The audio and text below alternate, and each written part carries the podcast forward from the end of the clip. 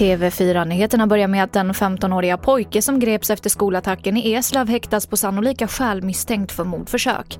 Det här meddelar Lunds tingsrätt. Pojken är elev på Källebergsskolan dit han i torsdags morse kom och med kniv gick till attack mot en lärare som skadades allvarligt. Vi hör Pernilla Nilsson som är kammaråklagare. Det finns också särskilda häktningsgrunder att han eh, det är risk för att han fortsätter sin brottsliga verksamhet på fri fot och det är risk för att han kan undanröja bevis eller på annat sätt försvåra sakens utredning. Och eftersom han är under 18 år så krävs det också att eh, eh, det för, finns synnerliga skäl för att han ska vara häktad.